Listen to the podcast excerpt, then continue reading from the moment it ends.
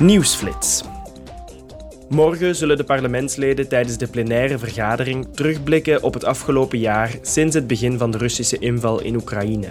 Ze zullen bespreken wat de EU moet doen om Oekraïne te steunen. Op donderdag zullen ze hierover een resolutie aannemen. Op diezelfde dag organiseert de persdienst van het Europees Parlement ook een seminar over de respons van de EU op de oorlog en de steunmaatregelen om de gevolgen voor de Europese economie te beperken. Morgen zullen de leden van het Europees Parlement in Straatsburg commentaar geven op het nieuwe voorstel voor het zogenoemde Industrieel Plan voor de Green Deal.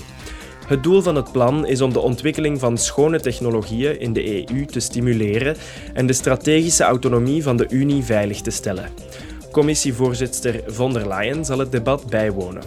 Vervolgens zullen de parlementsleden op donderdag stemmen over een resolutie over een Europese strategie om het industriële concurrentievermogen, de handel en betere banen te stimuleren.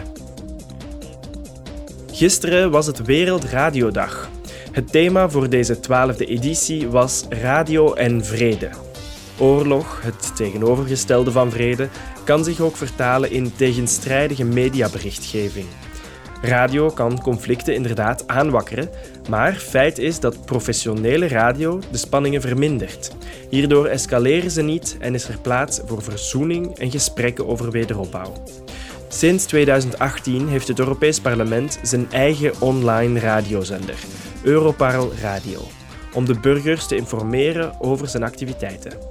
U kunt luisteren naar onze zender via de website audio.europarl.europa.eu of via de Citizens App van het parlement.